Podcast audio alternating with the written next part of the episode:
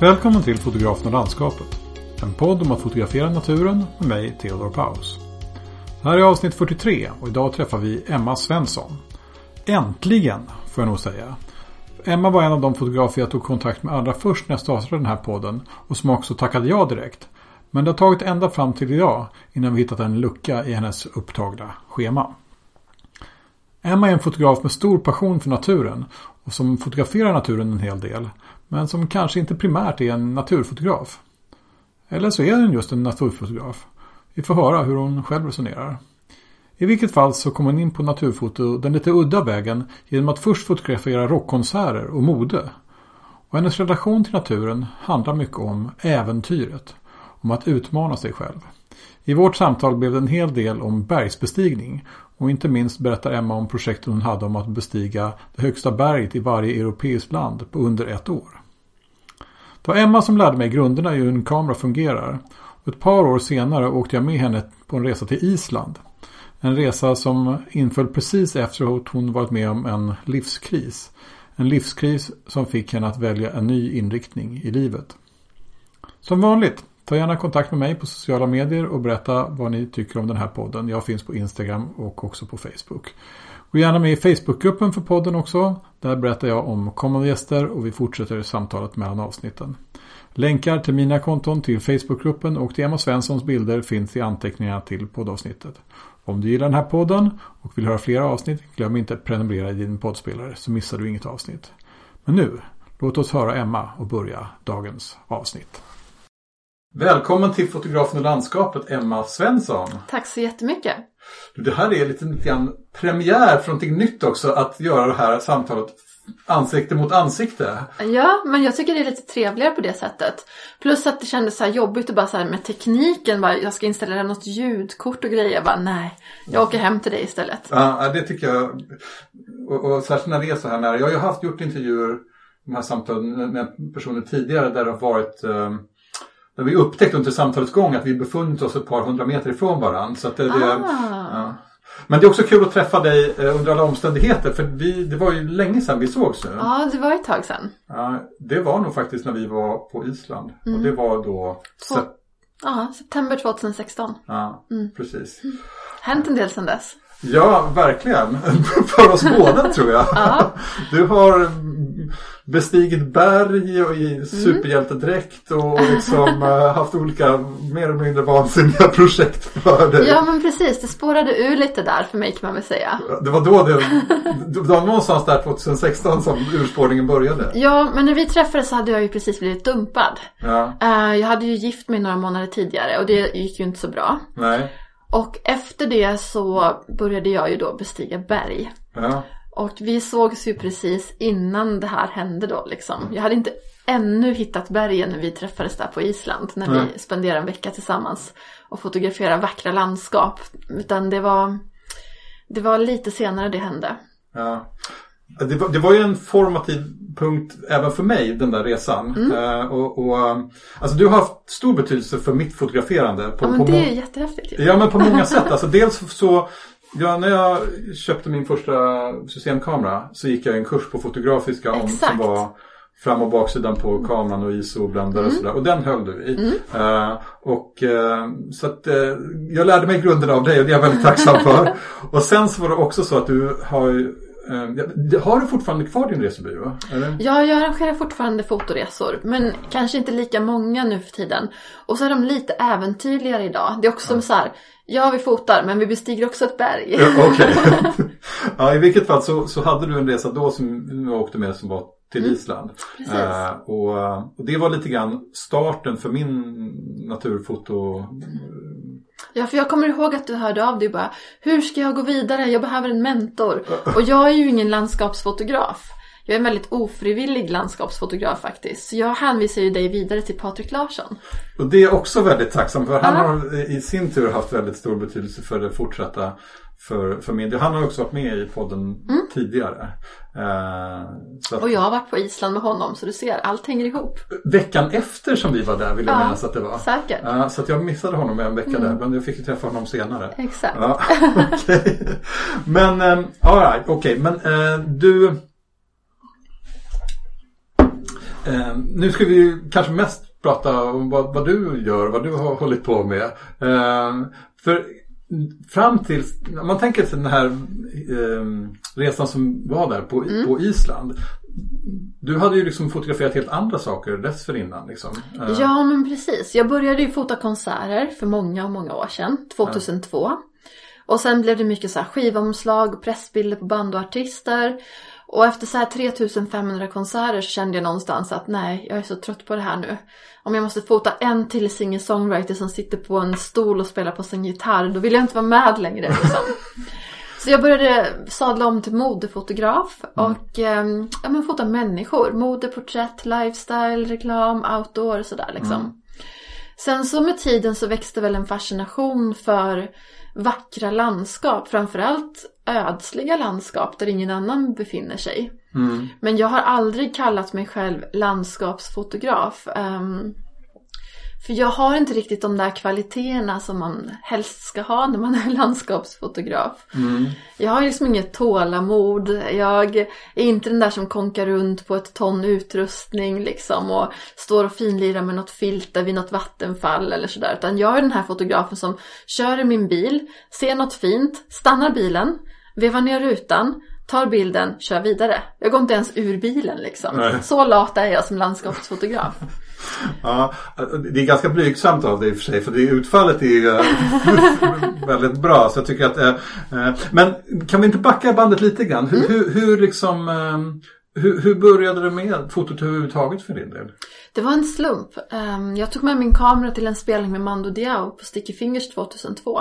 Ja. Och bara kände så här, wow. Det här var det coolaste, häftigaste jag någonsin gjort. Jag måste hålla på med det här. Jag hade ju pluggat media på gymnasiet och stått i mörkrummet och lärt mig framkalla hela den grejen. Men det var för att jag ville bli regissör. Så fotograf var liksom aldrig planen. Men mina lärare de sa till mig typ, ja men det är ingen idé att bli fotograf, man tjänar inga pengar, det är för tuff konkurrens, det finns inga jobb. Så det fanns liksom inte heller på min karta att ens satsa på ett yrke inom media. För jag kommer från en liten håla i Dalsland så jag visste ju ingenting om mediebranschen och hur den funkade eller sådär. Mm. Vi hade en lokaltidning, det var det liksom. Mm. Så um, det var en slump att det blev så. Jag förälskade mig i foto och passionen var så stark att ingenting annat spelade någon roll. Jag var bara tvungen att hålla på med det här på något sätt. Mm.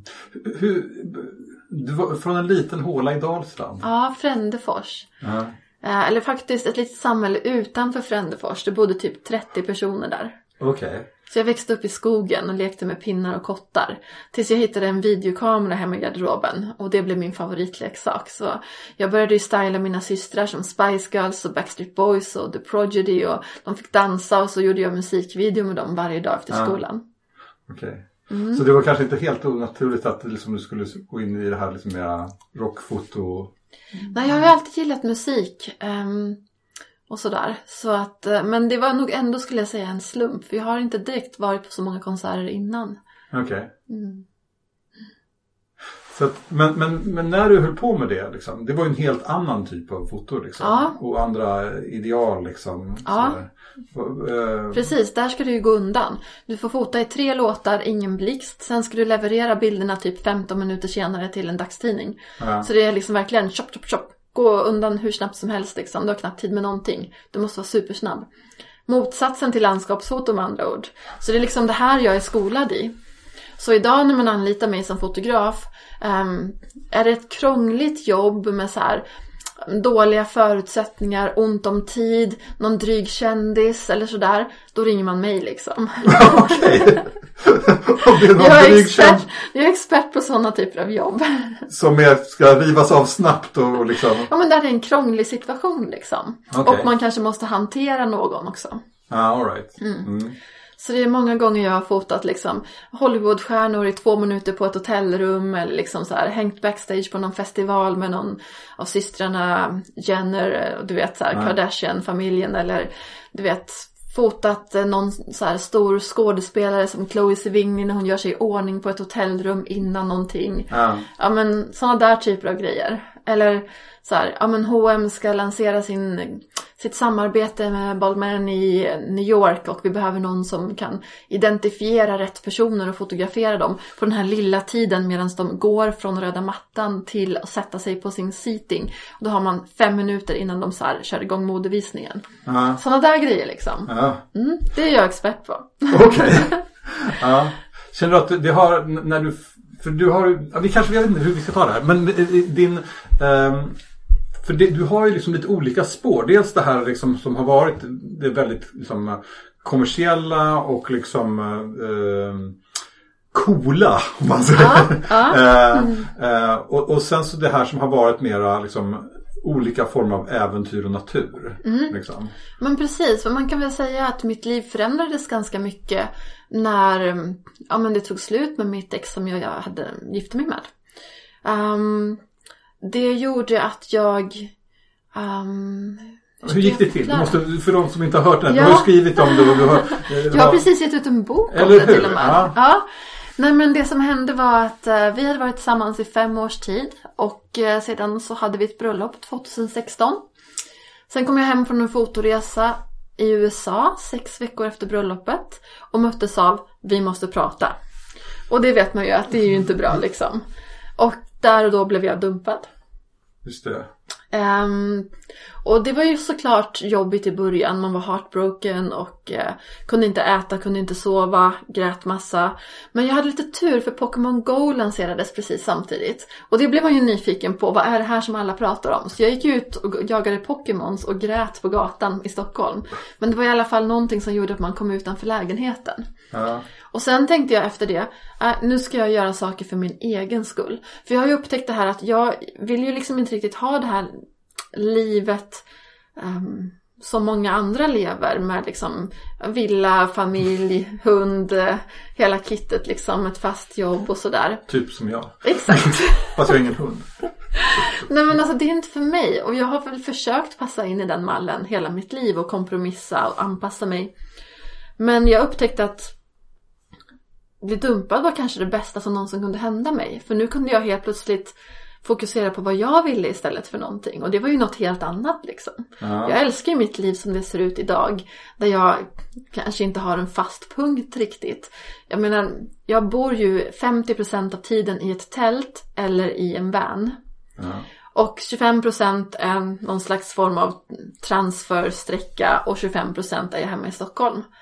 Eh, som jag, och jag bor i en lägenhet med en kille som jag träffade på en dating-app som vi köpte efter några månader tillsammans utan att ens vara ihop. Alltså det är väldigt så här konstig situation. Ah. Mitt liv är inte riktigt som alla andras. Nej. Men jag älskar den här friheten, jag älskar de här kontrasterna och jag älskar liksom att varje dag så är det en ny upplevelse. Mm. Det tycker jag är fantastiskt. När vi såg sist då var ju det här väldigt färskt. Du var väldigt liksom uppe Ja. i liksom det här traumatiska som du hade varit med om. Men också väldigt fokuserad på vad, att liksom bara släppa det bakom dig och gå vidare mot någonting annat. Väldigt oklart då vad det var. precis. För att man har ju lite grann ett val. Antingen så kan man ju falla in i någon slags så här, bli sur och bitter och liksom arg. Och det kändes ju aldrig lockande att bli en sån person. För att det som hände, det var ju tråkigt men det är livet liksom. Mm. Och jag tyckte liksom aldrig att det var skamfyllt att det här hade hänt mig. Jag skämdes inte över det utan jag var snarare ganska öppen med det här för att det är så mycket som är tabu som man inte ska prata om och så mycket regler hit och dit och jag gillar inte regler riktigt. Nej. Jag gillar ju att utmana regler och gamla föreställningar och normer och sånt där. Det har jag ju alltid gjort liksom. Så, um, nej men den enda vägen var ju framåt. Och att försöka hitta då liksom, ja men vad jag ville göra och hur jag ville att mitt liv skulle se ut. Ja. Men det var inte så att det var några små justeringar liksom i livsplanen som gjordes där. Utan det känns som att det var ganska radikala grepp som du tog. Jo, vad vad hände klart. därefter? Nej men alltså det första året var väl mer liksom bara så här få lite tid till att fundera och känna efter. Jag var ju på väg att flytta till New York exempelvis. Men det var ju samma veva som jag då började bestiga berg. Så jag var lite grann tvungen att välja. Ska jag bestiga berg eller ska jag flytta till New York? Och så blev det bergen. Och det spårade ju ur totalt. Jag kom hem från att ha bestigit Elbrus, det högsta berget i Europa. Och bara, jaha, vad ska jag göra nu för någonting? Superrastlös. Och det här är typ två timmar efter jag kom hem. Hur Jag- svårt är det att bestiga ett sånt berg? Alltså för mig var det ganska utmanande för att jag inte var så vältränad. Jag hade ju förvandlats till en soffpotatis eh, under det här förhållandet med mitt ex.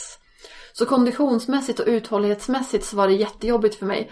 För att um, halvvägs ner efter att man hade nått toppen så var jag så slut att jag bara la mig på glaciären och bara jag orkar inte ta ett steg till. Okej. Och guiden bara så här, skrek åt mig typ skärp dig, res dig upp och gå ner till campet liksom. Ja. Och sen när jag äntligen hade släpat mig ner till high camp så bara så här gick jag fram till sängen och som på en film så bara föll jag ner i sängen och somnade i samma ögonblick. Och vaknade upp typ två timmar senare och bara I'm still alive liksom. Men det var ändå så, så att man som en, en soffpotatis som inte är helt liksom, fit kan göra det där.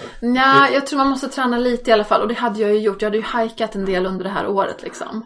Ja. Ehm, jag tror inte man kan gå från att vara soffpotatis och inte träna någonting till att bestiga Europas högsta berg. Man måste ändå lite fysisk aktivitet liksom. ja, eller hur? Men jag hade gärna tränat ännu mer innan jag gav mig in på det där. Så här i efterhand. För att det inte skulle vara så himla jobbigt. Men det är inte tekniskt svårt. Eh, Det är en promenad på glaciär på hög höjd. Så att det är liksom inte någon så här klätter-klättring liksom. Nej, just det. Det var inte med händerna. Nej, det är inte som Matterhorn liksom. Nej. Ehm, så ja, när jag kom hem därifrån så bara, ja men man kanske skulle bestiga det högsta berget i varje land i Europa. Undrar om en vanlig människa som jag ens kan göra en sån sak. Och så gjorde jag typ research på internet i några timmar och sen bara, ja men jag kör. Men ja, okej. Men då hade du liksom en, du hade en bergsbestigning i, i bagaget Ja, två, tre stycken. Jag hade också gjort eh, ett berg i USA, Mount Whitney, det högsta i Kalifornien. Och Marockos högsta berg. Ja, okej. Så att jag hade lite erfarenhet. Och jag hade gått en kurs i alpin klättring. Så att jag hade liksom lite koll på så här stegjärnsteknik och hur ska du hålla isyxan och hur gör du en self-arrest. Det vill säga om man skulle då ramla eller halka eller snubbla eller någonting. Man börjar åka ner, kana ner som en rutschbana ner för berget. Då ska man med en viss isyxteknik kunna stoppa det här fallet. Aha, hur, hur liksom, ser man till att man inte fortsätter glida ner i abyssen? Man måste stoppa sig så fort som möjligt. För får man upp för hög fart så är det omöjligt. Ja. Så att du vill så snart du faller få i, alltså antingen vill du ramla på den här picken så att du med en gång har så snabb reaktion att du kan liksom hålla fast dig i isyxan innan du ens glider iväg. Ja.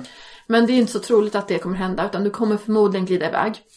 Och då ska man liksom snurra över så att man faller ner på mage istället för på rygg. Och ska du upp på knäna för att inte ha lika mycket kontakt med kroppen i snön. Så att det inte går liksom få upp farten lika snabbt och lätt. Och sen ska du samtidigt då köra ner den här picken med isyxan ner i isen. Allt vad du kan i stort sett för att kunna då stoppa det här fallet. Så Okej. att farten mattas ut liksom. Jag ska tänka på det. Nej, om jag råkar ut för en sån situation. Men det handlar ju också mycket om hur ser förhållandena ut. För är det väldigt isigt, då är det kört. Ja. Så regeln är ju ramla aldrig. Ja.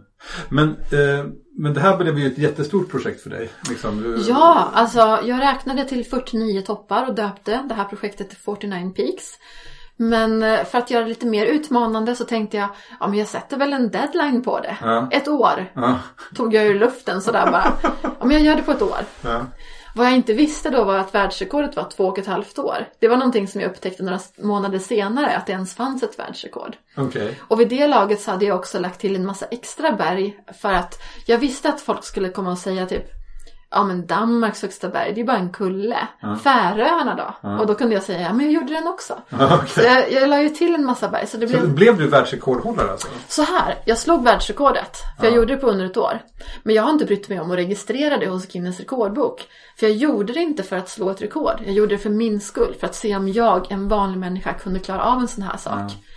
Jag tyckte det var coolt att jag lyckades eh, göra det snabbare än världsrekordet. Men det är inte viktigt för mig att ha mitt namn i historieboken. Nej. Så jag skiter i det där faktiskt Nej. om jag ska vara ärlig. Sen vet jag att folk har olika åsikter om det. Men jag bryr mig inte. Nej. Det, men det, jag tänker bara att det där var ett ganska annorlunda grej att göra. Förutom att det var liksom ett... eh, eh, ganska crazy projekt. liksom, eh, och är liksom, eh, vågat och liksom eh, extremt ambitiöst. Så var det också någonting som var ganska annorlunda mot det du hade gjort tidigare. Ja, gud ja, verkligen. Jag hade ju otroligt lite erfarenhet. Jag var inte speciellt tränad. Men jag tänkte så här, äh, jag lär mig. Och typ, jag kommer bli vältränad. Ja. Det får lösa sig bara. Det jobbigaste var ju liksom eh, tidsmässigt att jag var ju en väldigt uppbokad och upptagen fotograf som vid det här laget också drev ett produktionsbolag med 12 anställda och hade fotoresor och jag hade två expeditioner inbokade det här året i Sydamerika. Vilket gjorde att två månader försvann bara på det liksom. Ja. Så när jag hade kommit på att jag skulle göra det här projektet så dröjde det ju en och en halv månad innan jag ens kunde ge mig ut och bestiga några berg. För att jag hade så mycket jobb hemma som jag var tvungen att göra. Och det var ju också så att jag fick ju ge upp hela mitt liv som det såg ut. Eh, från att liksom varit en sån här person som ja, men går på mycket events och lever i modevärlden och ja men du vet det är så här ja men fester här och där och resor hit och dit och sånt där. Jag tror inte jag träffade mina kompisar på ett helt år eller min familj. Utan det var bara bestiga berg, jobba för att ha råd att bestiga nästa berg, bestiga berg. Och så gick det så i ett år. Vad, vad, bestod lockelsen av? Vad var det som... Var det liksom utmaningen i sig? Ja. Eller var det naturen? Eller vad Både och där skulle jag nog säga. Ehm, det som jag gillar med att bestiga berg det är mycket utmaningen. Se om jag kan klara av det. Och jag gillar ju att utvecklas och pusha mig själv. Så efter ett tag så tröttnade jag ju på att ta den lätta vägen upp på bergen. För att Aha. många berg är inte så svåra. Ehm, det finns en stig du kan gå liksom. Ja. Och det var ju halvkul tyckte jag. Så att jag bestämde mig för att men jag ska lära mig åka skidor så att jag kan åka skidor upp och ner för några berg. Så det gjorde jag under vintern. Jag ska göra vinterbestigningar. Jag ska typ börja klättra mer avancerade och tekniskt svåra vägar upp på bergen liksom. Så jag började klättra så exponerade kammar upp till toppen. Men då hade jag ju guide eftersom jag behövde lära mig och vara i säkra händer liksom. Så um, det var ju mycket så här att man, ja men jag vill pusha mig själv. Men sen är det också landskapet, naturen, att få vara på en plats där det är ganska få andra människor. Den storslagenheten och ensamheten gillar jag. Och sen så tycker jag om också att själva bestigningen, det är som att meditera nästan. Du går där i 12 timmar och du kan liksom inte tänka på någonting annat. Du måste vara helt fokuserad på vad du gör, vart du sätter dina fötter.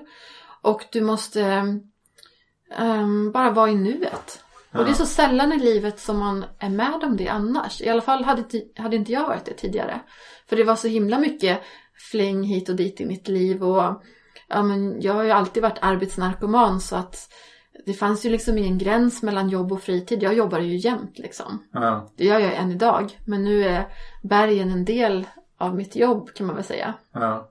Så att eh, det blir en naturligt liksom break från det man håller på med här hemma. Och jag tycker om den kontrasten liksom. Vilken roll fick fotograferandet i det här? När jag fotograferar i bergen så är det mest för dokumentations skull. Och det tycker jag är väldigt skönt att kunna ha en del av fotograferandet som bara är min hobby, min passion. Jag måste inte prestera och leverera till en kund när jag är ute i bergen. Utan vill jag inte ta en bild så tar jag ingen bild. Ja. Och jag använder också ganska minimalt med utrustning. Oftast så fotar jag med min mobiltelefon eller med en liten Lumix-kamera. Med ett kitobjektiv, 24-12. Det är inte ens en fullformat. Den väger 600 gram, supersmidig och enkel att ha med sig. För det funkar liksom inte att släpa med sig en 4 kilos systemkamera med ett 2470 upp till 6000 meters höjd. Det är så himla jobbigt att bära upp den och den är så stor och tar så mycket plats och du tar inte ens upp den och tar en bild med den liksom. För det är för omständigt. Så just det här med att ha kameran tillgänglig, att den inte väger någonting, att den inte är i vägen. Jag behandlar ju min utrustning väldigt eh, nonchalant. Jag eh, använder inte linsskydd för att det tar tid och jag slarvar bort dem dessutom. Ehm, jag hänger alltid kameran över axeln även om jag är ute och klättrar. Så den slår ju i berget en massa gånger och sådär liksom. Ibland spricker skärmen och men whatever. Så länge kameran funkar ändå så fotar jag med den i alla fall. Um, nej men liksom, om jag skulle vara en person som hade min kamera nedpackad i en kameraväska i min ryggsäck. Då skulle jag aldrig ta några bilder i de här situationerna. Och jag skulle missa de här ögonblicken också. För att nu för tiden när jag klättrar så är det lite mer avancerat än att bara gå på en stig upp till toppen. Så det finns ganska få tillfällen när det går att faktiskt ta ut kameran. För du kanske hänger på någon vägg eller det stupar tusen meter. Du vet inte riktigt läge att ta upp en kamera och ta en bild. Eller du står och säkrar någon och då kan du inte släppa repet för då kan den personen dö. Ja, det vore ju dåligt. Det vore jättedåligt. Um, jag höll faktiskt på att dö i somras också. Okej. Okay. Jag var ute och klättrade ett berg och eh, så kom det ett stort stenras, en stor lavin med stenar över mig. Så en meter stor sten träffade mitt huvud. Jag svimmar av och ramlar ner från berget. Men jag sitter fast i ett rep tillsammans med min klätterpartner. Men jag hade precis tagit ur säkringen som håller det här repet fast i berget. Och han har inte hunnit sätta i en ny än. För vi klättrade med någonting som kallas för running belay. Och det här gör man om det är lite enklare klättring. Men det är fortfarande en stor risk när man klättrar i berg, även om det är enkelt. Och när han såg det här då, att jag blev träffad av stenen och föll ner, då kastade han sig på en stor sten och höll för våra liv. Och hade inte han kunnat hålla det fallet hade vi båda dött. Okay. Så under 45 minuter så har jag, ingen, har jag en minneslucka liksom. Jag var avsvimmad först och sen så hade jag vaknat upp och då hade jag liksom sagt upprepat 200 gånger Where am I? What happened? Where am I? What happened? Uh. Och han förklarade för mig om och om igen och jag bara Where am I? What happened? Och han bara hon har brain damage liksom. Uh. Så han får ju ringa en helikopter som ska komma och rädda mig. Och precis när den anländer då börjar jag liksom vakna upp och få medvetandet igen. Och det är som att vakna upp ur en dröm. Man bara, det är någonting som inte stämmer. Något är jättekonstigt. Var är jag? Va? Jag är på ett berg. Hur kom jag hit? Jag måste ha klättrat. Vilket berg är det? Vad har jag klättrat för väg? Det är något som inte eh, stämmer. Och sen bara märker jag hur det rinner blod från huvudet och hur hela kroppen bara skakar av adrenalinet och jag är helt blåslagen och kläderna är sönder och det är liksom bara så här shit, något måste ha hänt liksom. Och så ser jag hur en helikopter håller på att rädda mig. Och när de räddar den skickar de ner en sån här lång lina som de sätter fast i din sele. Och sen så flyger de iväg med dig hängandes i den här långa linan. Som de sakta drar in till helikoptern då. Okay. Och sen raka vägen till sjukhuset, sy huvudet, scanna. Och jag hade sån himla himla tur för att jag kom undan med bara hjärnskakning och inre blödningar men inget liksom stort men eller allvarligt eller sådär. Så att jag är så himla tacksam över att det gick som det gick i den här situationen. För det är precis så där man dör i bergen. Mm. Men det har inte liksom stoppat dig från att... Nej. Nej, jag var ute och klättrade igen veckan efter. Även fast jag fortfarande hade hjärnskakning. Men på topprep, väldigt enkelt på en liten klippa. För jag bara kände så att jag vill inte att det här ska avskräcka mig. Jag vill inte känna mig rädd för att gå ut i bergen igen efter det här har hänt liksom. Mm. Och det här är ju en konsekvens av um, den globala uppvärmningen. För att det blir farligare i bergen eftersom permafrosten smälter.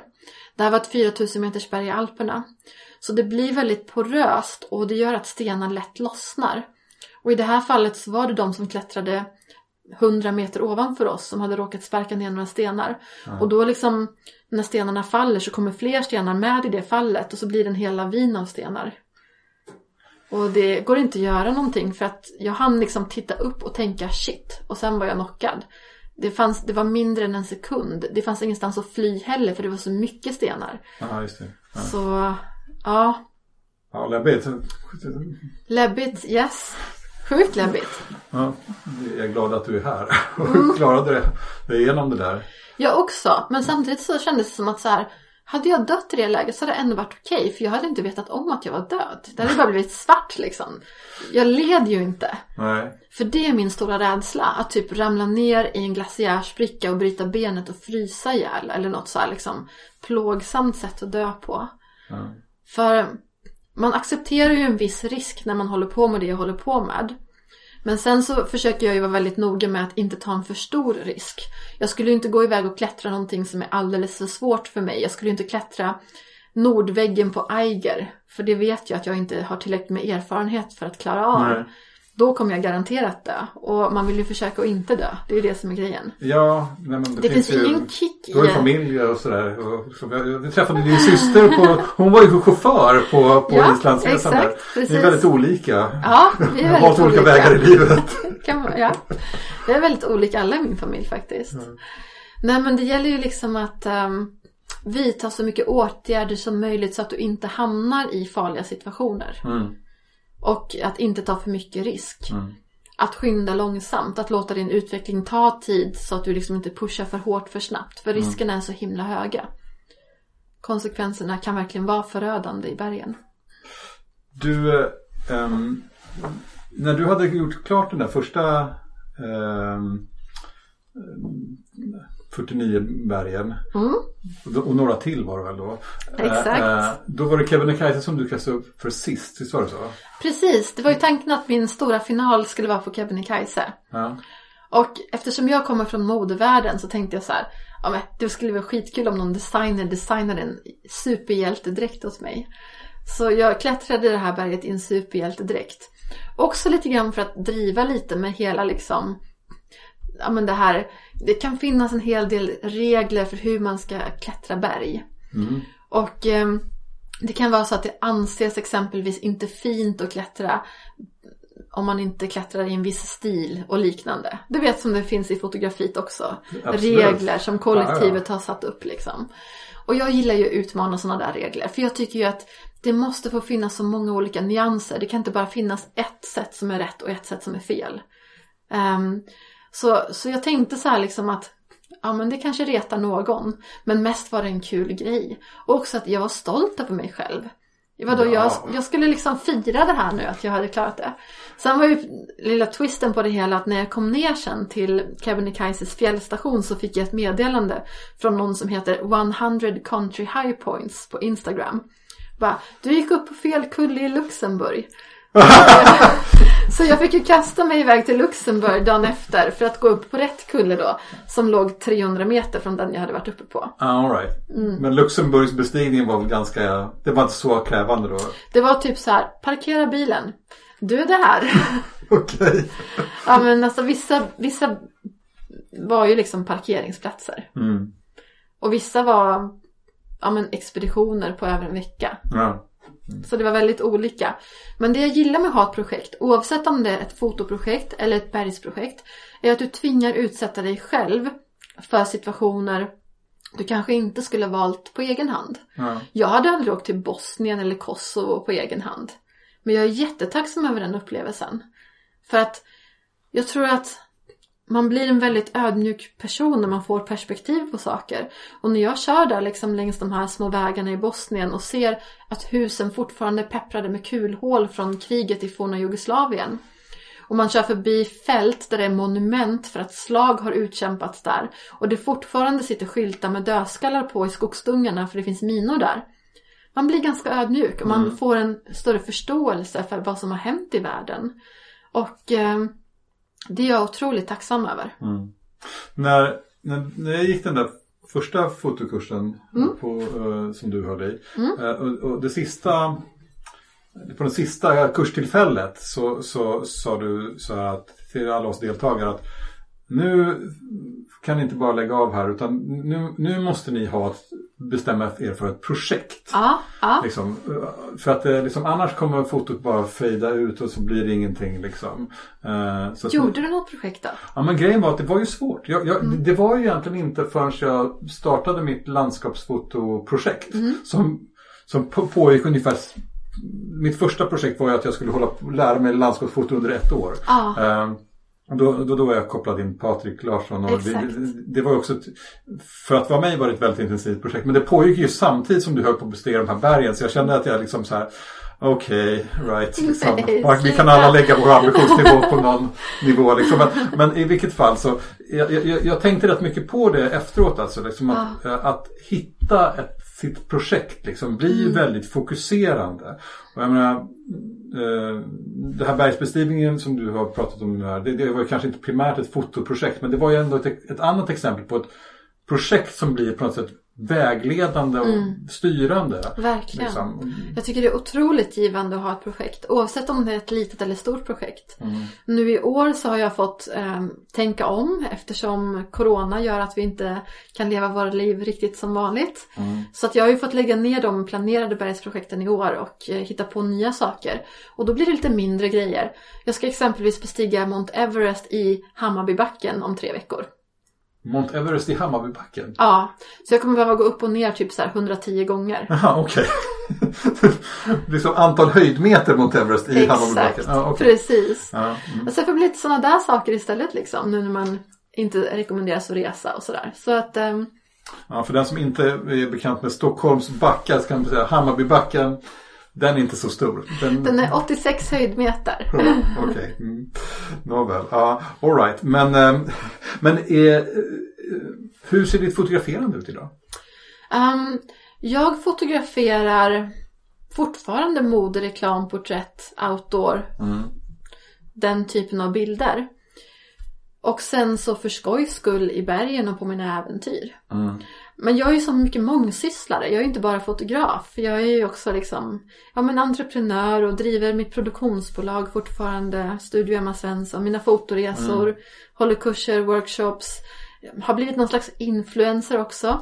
Ja, Vilket jag tycker är jättekul. Ja. Att få så här, men skapa content och dela med sig och inspirera andra. För att det är verkligen så här ett av mina livsmål. Att inspirera andra och hjälpa andra. Och det kan man också se på i den här coronakrisen. Jag är ju i deep shit ekonomiskt. Jag har fått säga upp min studio och jag har fått säga upp min assistent och liksom sådär.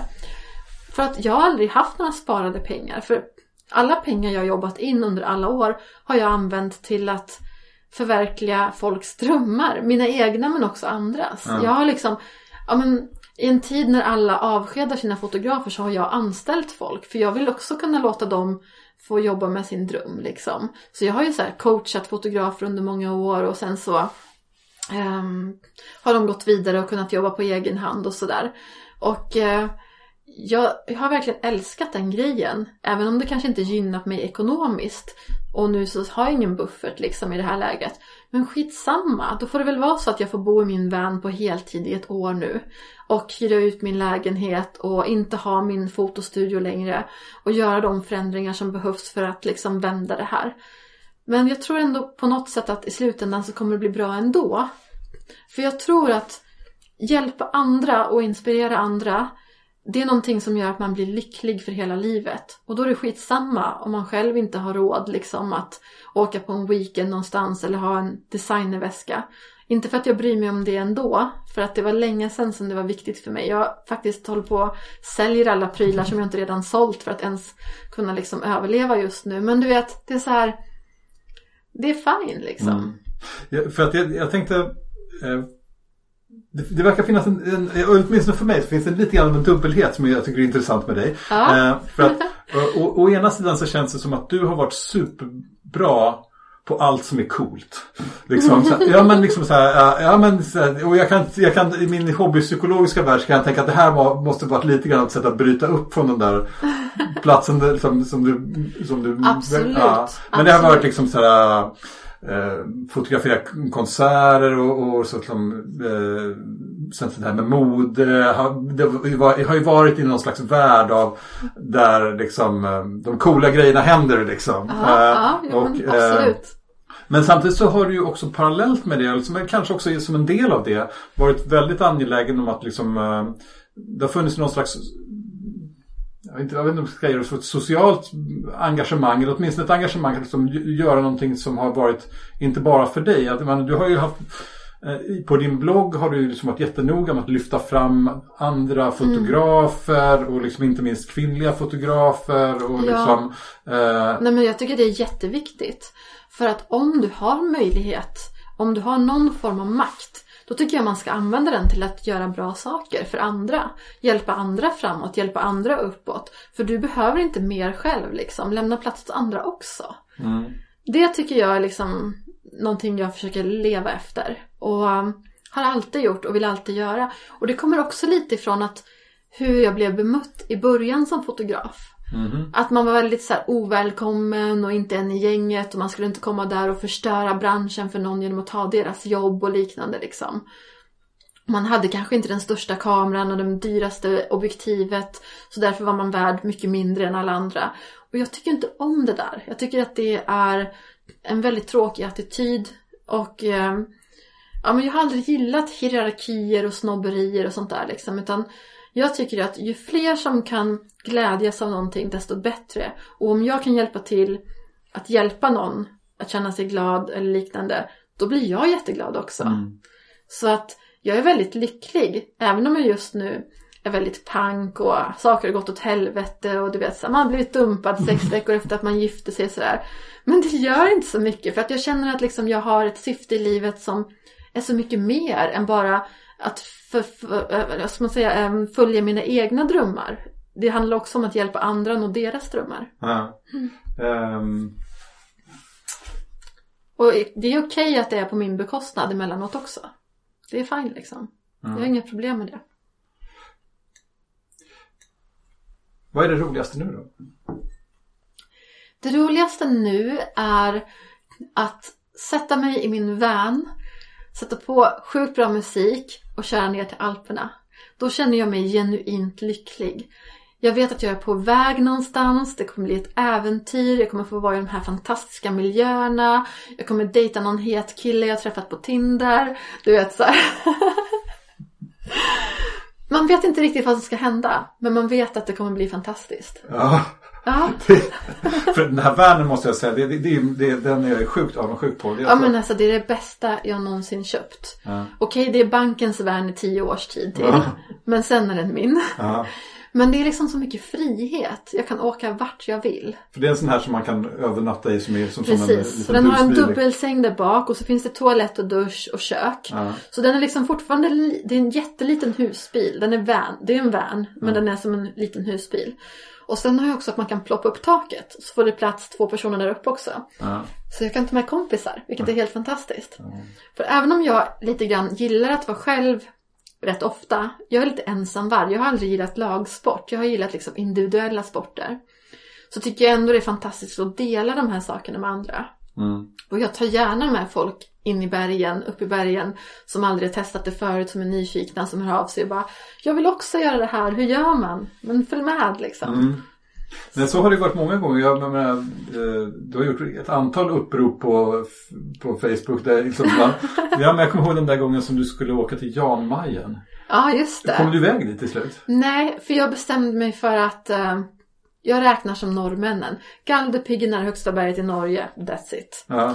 Det var så himla dyrt och komplicerat att ta sig till Jan Mayen. För Jan Mayen är ju alltså en, en ö som är, ja, var ligger den? Alltså, den, den är Ja, ju men det- väldigt svårtillgänglig i alla fall. Exakt, du måste typ segla en vecka norr om Island eller något liksom. Ja. Det var så här omöjligt att ta sig dit nästan. Det går ju inga kommersiella båtar eller flyg eller så. Det bor så här sju personer på ön på en fjällstation som typ sköter något väderrapport där eller något sånt där. Så att Nej, jag kände när jag fick den där förfrågan, bara, nej, det är kanske inte min resa. Men, men, men bilen skulle absolut, jag skulle verkligen vilja ha en sån där bil och kunna åka iväg liksom och, Mm. eh, ha sitt hela... eh, Ja, det är helt underbart. Och det är med skräckblandad förtjusning jag ska bo i den heltid nu i år. Jaha. För att tidigare, jag har ju bott i den ganska mycket. ehm, men det är rätt skönt emellanåt att komma hem och landa i en lägenhet och liksom, du vet så här. Den är väldigt bekväm att bo i. Men, ehm, men att bo på heltid, det blir en utmaning. Ja. Mm. Du, jag tänkte på det som du sa tidigare med, med det här med liksom lite snobbig eh, attityd bland eh, liksom, den etablerade fotocommunityn så. Ja. Ehm, en sak som har slagit mig när jag har liksom, jag är ju ganska ny in i naturfotovärlden. Mm. Ehm, och, så att jag har liksom inte, det är bara de senaste åren egentligen. Men det som har slagit mig har varit att hur lite sånt har varit där. Det har varit Vad väldigt skönt för dig. Ja, jag vet inte om det har varit annorlunda i olika typer av... eh, Men jag tror att jag har ju också alltid utmanat lite. Jag har ju vågat liksom ta diskussioner, fighter, slåss för jämställdhet och det har gjort också att man har fått en del åsikter och långa hattrådar på Facebook och ja, men, upprörda kommentarer och liknande liksom. ja, Jag har anpassat mig mer till strykit folk mer hårt. Nej men sen är det också, jag har ju jobbat som fotolärare under ett par år. Och där kunde ju liksom mina elever kontakta etablerade fotografer för att ja, men ställa frågor om branschen och liknande. Och få svar som Du ska inte komma här och förstöra branschen och du borde hitta någon annan hobby och liksom låta oss proffs få jobba i fred och inte komma här och dumpa priserna. Och jättetråkig attityd har de mötts av liksom. Ja. Och jag vet inte om det är så att man är rädd, att man känner sig liksom att så här, branschen håller på att förändras. För det har ju skett en otroligt stor förändring sedan jag började fotografera. Digitaliseringen Ja, ja, har kommit. För när jag började fota var det fortfarande analogt. Eh, min första kamera var analog, min andra kamera också. Nu idag så kan alla vara fotografer på ett sätt som man inte kunde förr i tiden. Förr i tiden var det ju väldigt få personer som hade makten att liksom ja, men göra fotojobb som publicerades i stora tidningar, stå på scener och prata om foto, ha utställningar, vinna priser och så vidare. Det var ett mindre gäng liksom i hela världen sett som hade det här privilegiet att, att hålla på med foto på den nivån. Idag kan ju en 15-åring på Instagram ha en miljon followers Ja. och ha liksom ha mer spridning på sina bilder än någon prisbelönt etablerad fotograf som var stor på 90-talet liksom. Så världen ser ju otroligt annorlunda ut idag. Och jag tror att kanske var många rädda för den förändringen. De kände att de kanske inte hängde med riktigt i vad som hände. De förstod inte riktigt hur de skulle liksom haka på det här nya och ja men helt plötsligt lite som corona som bara kom och ställde in alla mina jobb fram till sommaren nu på en dag. Lite så kanske det var för många att man så här kände att nu händer det någonting och jag har inte kontroll över vad som händer och så blir man rädd och så hamnar man i försvarsposition och så är det man liksom har man en attityd mot andra för att det är deras fel. Just det. Jag, jag, så är det nog. Jag, jag tror nog också att i och för sig att liksom genren spelar lite grann roll också. Det Eh, tror jag absolut eh, också. För att jag tror att i, i naturfotovärlden är ganska mycket hobbyvärld. Det är liksom ganska få som är liksom eh, Ja, det är en tuff bransch att leva på heltid. Ja, så att jag tror att för jag har ju märkt rätt mycket så att, eh, att eh, ja, men alla som jag har kontaktat för den här podden har ju alltid liksom, de- ja, det, det har ju varit väldigt positivt så och när jag har liksom åkt till nya ställen för att fotografera själv har jag ofta kontaktat liksom lokala liksom fotoklubbar och då är de så här, ja ja då ska du åka dit och dit liksom. Så att det har varit väldigt så här, generöst och bjussigt liksom. Så, Man blir väldigt glad av att höra det. Och det är så jag upplever hela outdoor-världen. Som är en ganska ny värld för mig som jag liksom kom in i för typ tre år sedan. ja, Eh, där finns det inte samma hierarki kanske som de världarna man har befunnit sig i innan. Utan folk är väldigt öppna och trevliga och sådär. precis det är ski bumps i förlängningen. Liksom. Ja, eller så att, det? eh, nej, men det handlar nog absolut om genre också. Ja. Mm. Ha, vad har du på gång? Ja, nu ska jag flytta ut ur min studio de kommande veckorna. Sen så får vi väl se vad som händer. Jag är ju en person som har ganska mycket planer och gillar att veta vad jag ska göra. Jag har ju oftast planer ett år eller två framöver, stora bergsprojekt eller fotoresor eller liknande. Men nu så är det så här, man har ju ingen aning om när blir det liksom hyfsat normalt igen. När Nej, börjar folk nej. producera bilder? När är det tillåtet att klättra i berg igen? För just nu är ju allt sånt off limits. Det är lockdown nu. Det är lockdown överallt i Alperna. För att man vill inte att man ska gå ut i bergen och utöva riskfyllda sporter. Så att man eventuellt behöver belasta sjukvården om du Ja. behöver räddning eller blir liksom skadad eller liknande. Ja. Så nu så, ja men jag håller på och tränar och försöker hålla mig i form och sen så då var jag tvungen att hitta på något projekt så det var därför jag ska bestiga Everest i Hammarbybacken nu om tre veckor. Um, nej men jag hoppas ju att så fort den här lockdownen släpper att jag kan åka ner till Alperna igen. Ja. Men det här blir ju också ett nytt sätt för mig att jobba på framöver för att jag måste liksom backa tillbaka lite grann det här jag har utvecklat de senaste åren och kanske göra lite mindre jobbmässigt och inte ha lika många anställda och Ja. ja, men absolut inte ha en lika stor studio längre och sådär. Så att det blir lite grann så här börja om på nytt. Men det känns också spännande för att jag känner så här, "Ha, vad ska det leda till för någonting spännande då? Jag, jag kommer ihåg ehm, vi hade något samtal, jag minns inte när det var, eh, om det var på Island eller tidigare, där vi pratade om liksom vad du ville framåt. Ja, Eh, vad sa jag då? Jo, men jag kan berätta vad du sa. Eh, för att då, då, då sa du så här att, ja, nej men det måste varit redan vid första tillfället som Ja. på fotokursen där. Mm. För då frågade jag, ja men vad vill du fotografera framåt liksom, och vad vill du jobba med? Och då sa jag att, ja men jag skulle gärna vilja göra modejobb med lite större budget. Liksom så här, lite mer ambitiösa där man liksom Precis. hade liksom, kunde anställa ett, eller anlita ett antal personer personer som och liksom fixade en Mm. speciell location och allt vad det var. Liksom, och det fick liksom brinn, brännas massa pengar på, på det där. Liksom. Sånt har jag ju gjort sedan dess. Ja, Ganska mycket. Ehm, och ehm, jag gör ju regelbundet sådana jobb idag också. ja. Men det är ingenting som jag känner att jag brinner för att ta vidare. Jag känner inte att jag så här, ja men jag gjorde ju ett val där. Ska jag flytta till New York och satsa på det här ännu mer och bli en ännu större modefotograf? Eller ska jag börja ägna mig åt bergsbestigning? ja. Och jag valde ju bergen.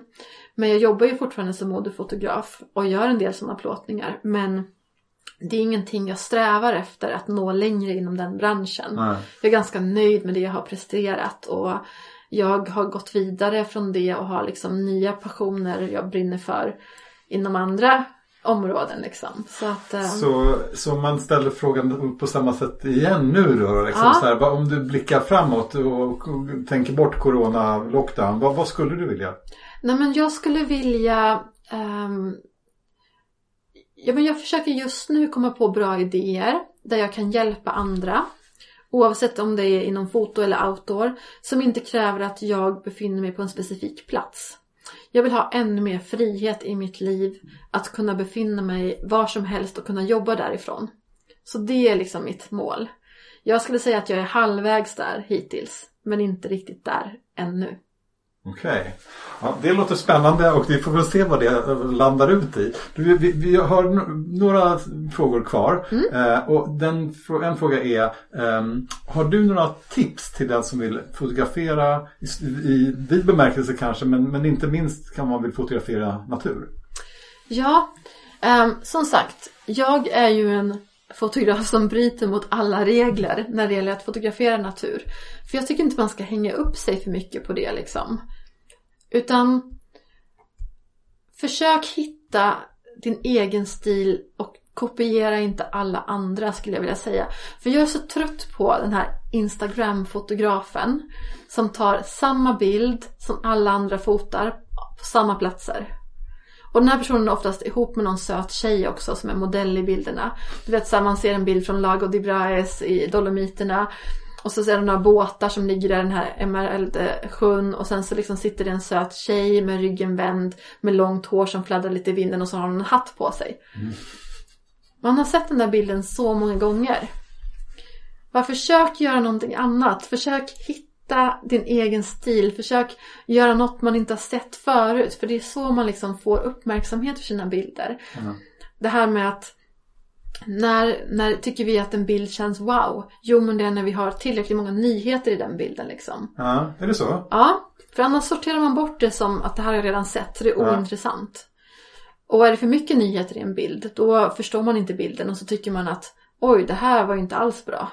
Vad är det här för jävla skit? Ja, precis. För jag, jag, har förstått det att vad, vad- liksom eh, intresse skapas av nyhet i en bekant kontext. Mm. Ja, Eh, att precis. man liksom, det, är till, det är lagom mycket nytt. Liksom. Exakt så. Ja. Exakt så. Okej, så att eh, liksom, gör din egen grej men Ja. lagom också.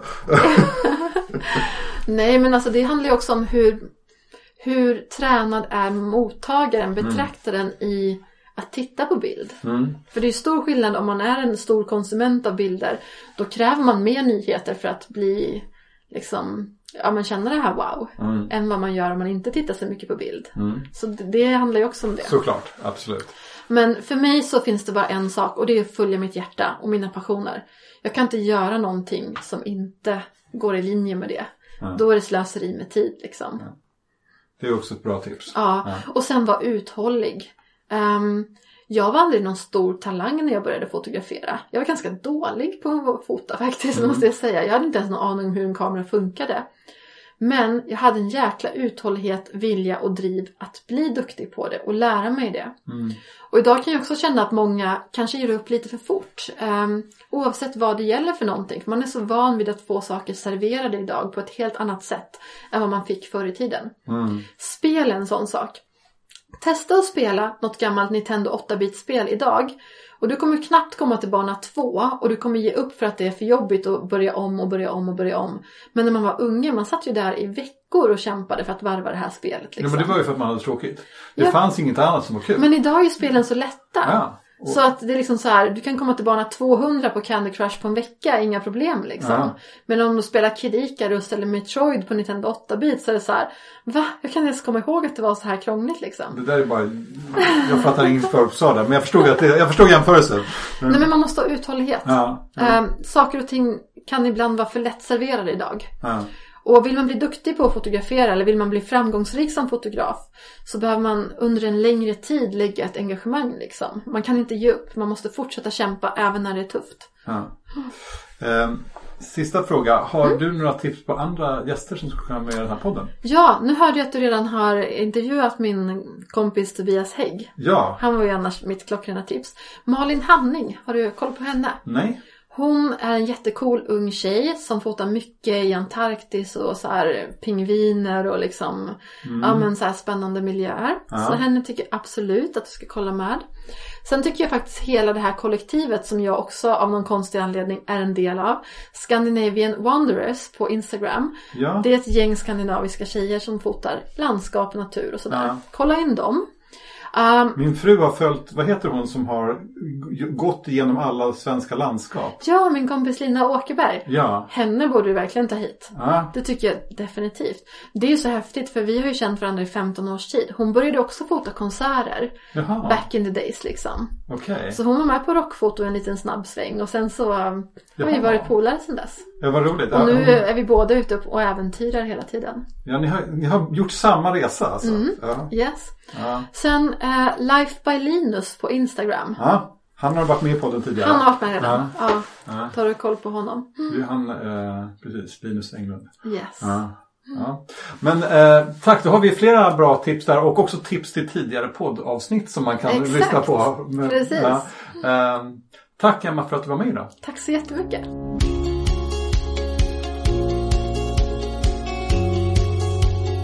Tack även till dig som lyssnat på det här avsnittet av Fotografen och landskapet. För mig var det verkligen roligt att träffa Emma igen. Det var länge sedan sist. Hon är en härlig och medryckande människa som verkligen visar vad som är möjligt om man vill något och ger sig den på det.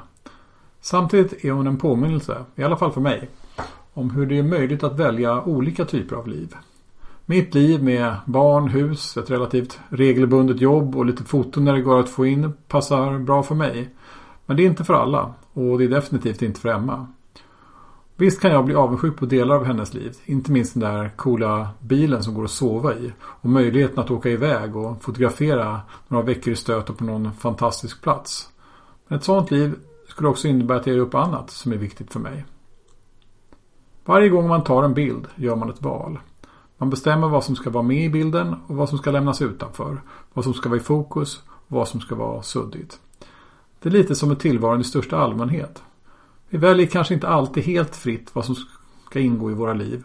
Men varje val vi gör formar det som ingår och det vi exkluderar. Vi skapar vår egen serie med bilder som blir vårt liv.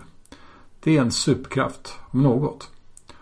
Och jag tänker att det där med att kunna välja och välja bort gör att vi alla kan bli superhjältar i våra liv på vårt eget sätt. Även om vi inte alla väljer att bestiga Kebnekaise i guldtrikå och mantel. Tveka inte att höra av dig om du har tankar och idéer om den här podden. Du hittar länkar till mina konton på Facebook och Instagram i anteckningarna till det här avsnittet. Där hittar du också länkar till Facebookgruppen för podden, länkar till Emma Svenssons bilder och länkar till de fotografer som hon tipsade om i slutet av avsnittet. Och som vanligt, om du gillar fotografen och landskapet och vill höra fler avsnitt, glöm inte att prenumerera i din poddspelare så missar du inget avsnitt. Det var allt för idag. Vi hörs igen om två veckor.